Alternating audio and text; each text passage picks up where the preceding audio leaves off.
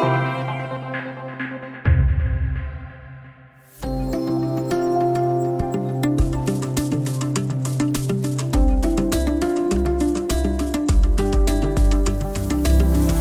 På måndag den 14 december röstar elektorerna om vem som ska sköta rodret i Vita huset under de kommande fyra åren. President Donald Trump har satt politisk press på sina partikamrater i flera delstater för att få dem att ändra på valresultatet. Men Högsta domstolen avslog på tisdagen försöken att ändra på Bidens valseger i Pennsylvania. Ja, även om Donald Trumps dagar i Vita huset är räknade, just nu är de 41, är det en tid han kan och verkar utnyttja väl. Välkommen till Studio DN. Jag heter Sanna Thorén Björling.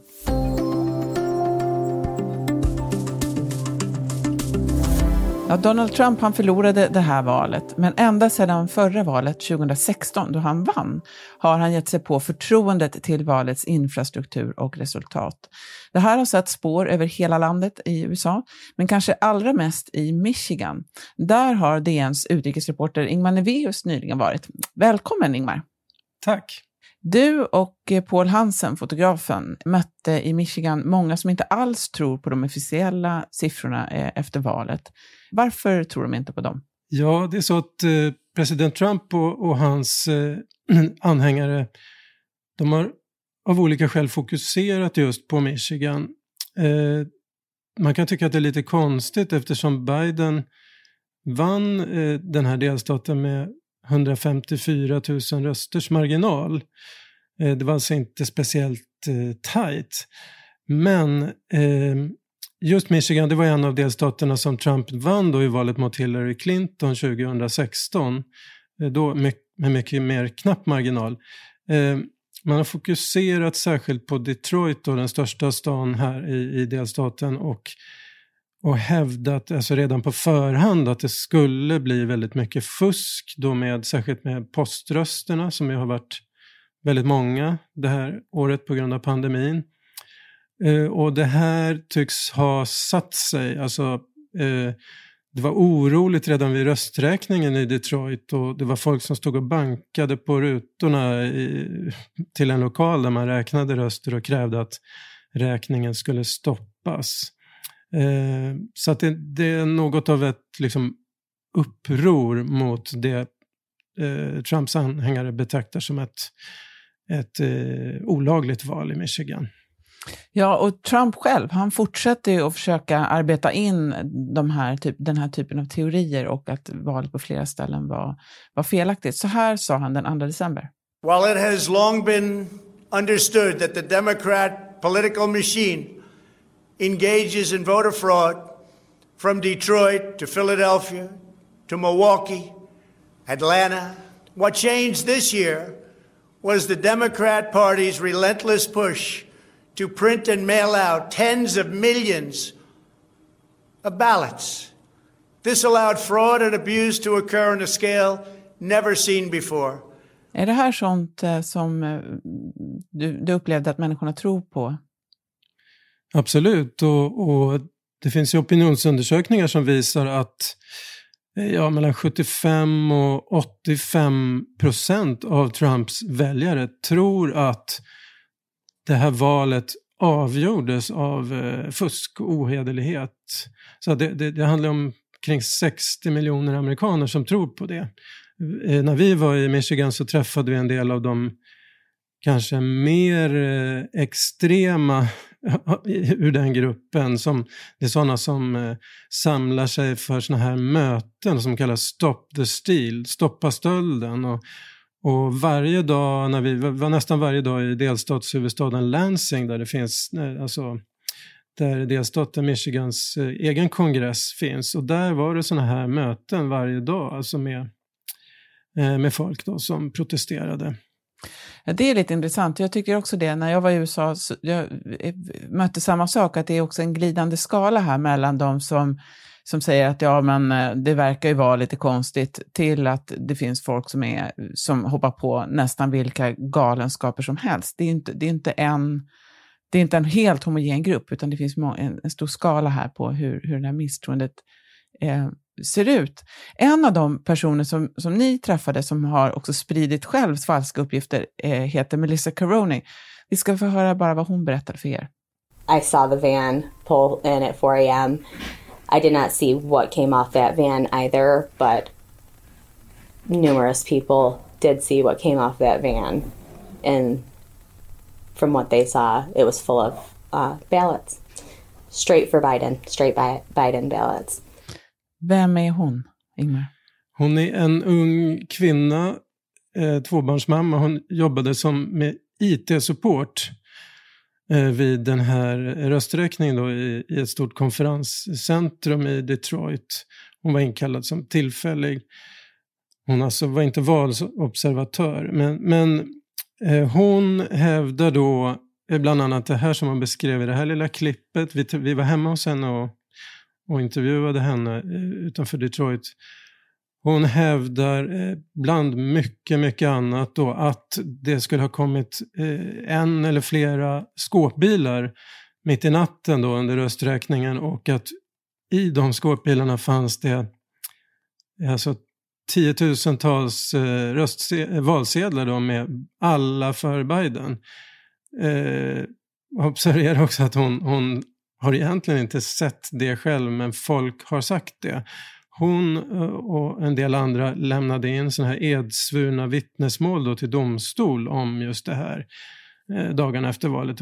Och just den här Melissa Caron har blivit någon slags eh, stjärna då i, i medier i USA som står nära Trump. Just det. Jag tror att den här förtroendefrågan som du är inne på här, den kommer nog att sätta spår för lång tid framåt. Vi ska alldeles strax prata mer om hur det kan se ut.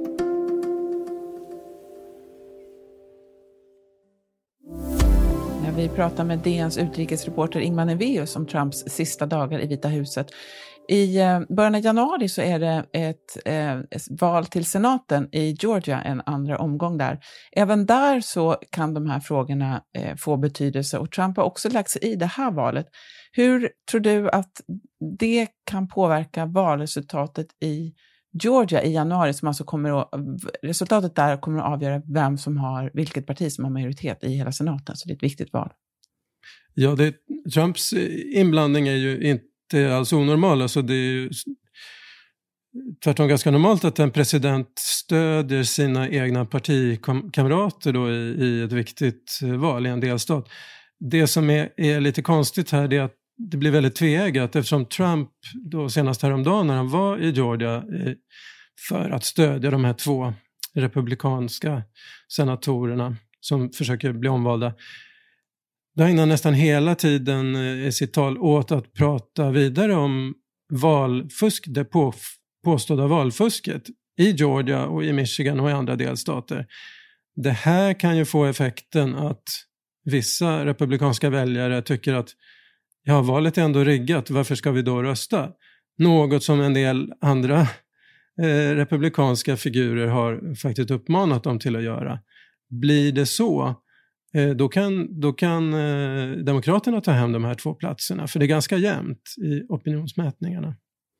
Just det. Trump ägnar ju det här väldigt mycket av sin energi just nu. Han har ju inte så lång tid kvar i Vita huset. Vi ska prata lite mer om vad han gör mer. Han har också ägnat en del kraft åt att benåda personer. Det är ju inte ovanligt heller eh, att det sker under den här sista tiden eh, av ett presidentskap. Men även där är ju Trump lite speciell. Var, varför då? Ja, alltså han, han, han, har ju... Det senaste han gjorde var att benåda Michael Flynn, sin före detta säkerhetsrådgivare.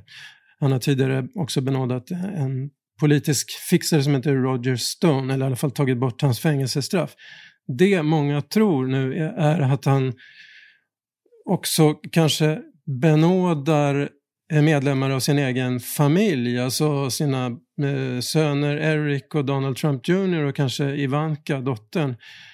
Det skulle i så fall vara det man kallar eh, blanket pardon, alltså en, en benådning som man gör liksom i förtid innan någon ens har åtalats för något. Det talas till och med, och han har själv antytt, att han kan utfärda en liknande benådning för sig själv. Vilket är något som aldrig tidigare har hänt och som eh, diskuteras nu i, i tv-program och på debattsidor i USA. de flesta eh, säger att det här går inte alls. Såklart att alltså, grundlagsfäderna hade inte alls en tanke på att en president skulle kunna benåda sig själv för alla tänkbara brott. Eh, nej, precis. Och det, så, men det finns ju inte, eftersom det var helt otänkbart, så står det inte heller klart ut att man inte får göra så. Exakt. Och, då, och det, de, de få då, eh, eh, juristprofessorer som står på Trumps sida, de, de hänvisar väl till det då. Andra är försiktiga och säger att ja, det finns inget eh, prejudikat. Högsta domstolen har aldrig uttalat sig om det här, aldrig haft någon anledning att uttala sig om det. Eh, men Trump gillar ju att bryta mot konventioner och regler så det är mycket möjligt att, att han gör det. Och, det här med eh, sina, sina barn och andra nära eh, allierade, det, det är, är till och med troligt att det kommer. Och då kan man bara tillägga att det gäller ju då federala brott, så inte brott som har begåtts på, på delstater. Till exempel, eh, Trump står ju inför, alltså han undersöks, det finns ju förundersökningar mot honom som gäller brott som har begåtts på delstatsnivå. De är inte aktuella här, utan det är federala brott. Eh, och det är brott som också måste vara begångna redan, även om det, precis som du säger, eh, det behöver ju inte vara något åtal. Men de måste i alla fall, man kan inte, man kan inte benåda någonting som ännu inte har hänt i alla fall. Nej. Men det har ju hänt eh, att tidigare också att avgående presidenter motarbetar den nya administrationen. Det är inte så vanligt, men det har hänt.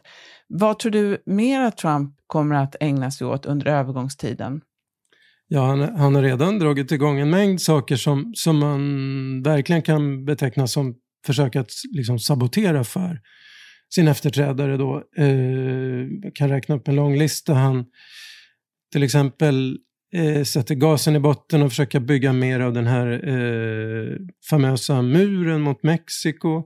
Han har, och hans administration har satt igång och det kommer antagligen att avrätta ytterligare fem personer dömda till döden för federala, eh, federala domstolar. Eh, det brukar aldrig ske under en sån här övergångsperiod, men det kommer att ske nu. Hans administration monterar ner eh, flera ytterligare såna här miljöregleringar då från Obama-eran.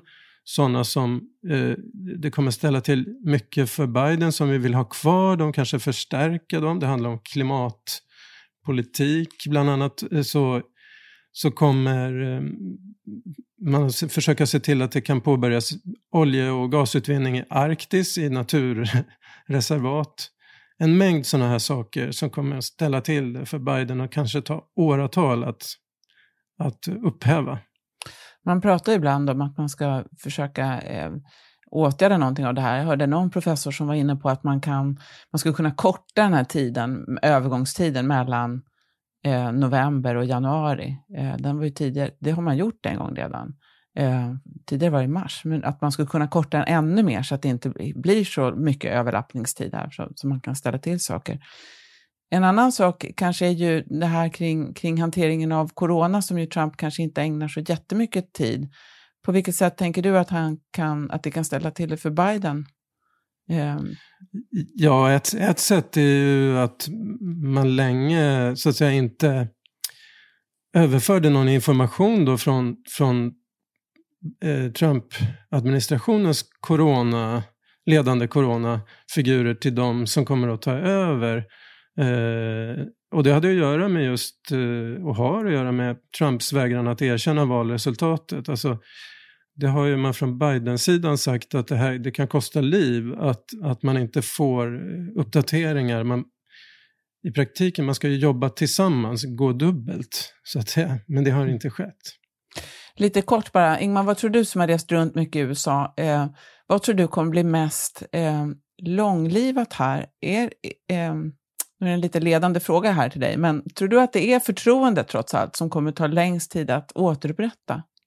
Absolut, det, det är ju det här förtroendet för själva demokratin, alltså hur det är saker vi är vana vid från länder som Belarus eller, eller fattiga länder i Afrika där man har diktatorer. Alltså att, att man inte litar på val. Hur ska man, eller att man bara litar på val där den egna kandidaten vinner.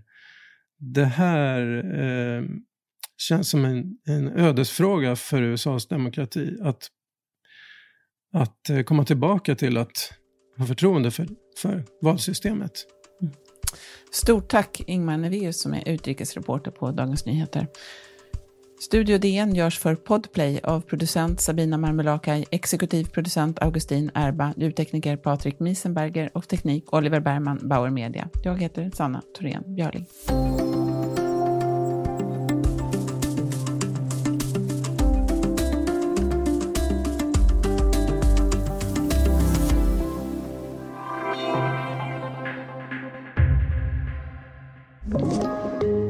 Podplay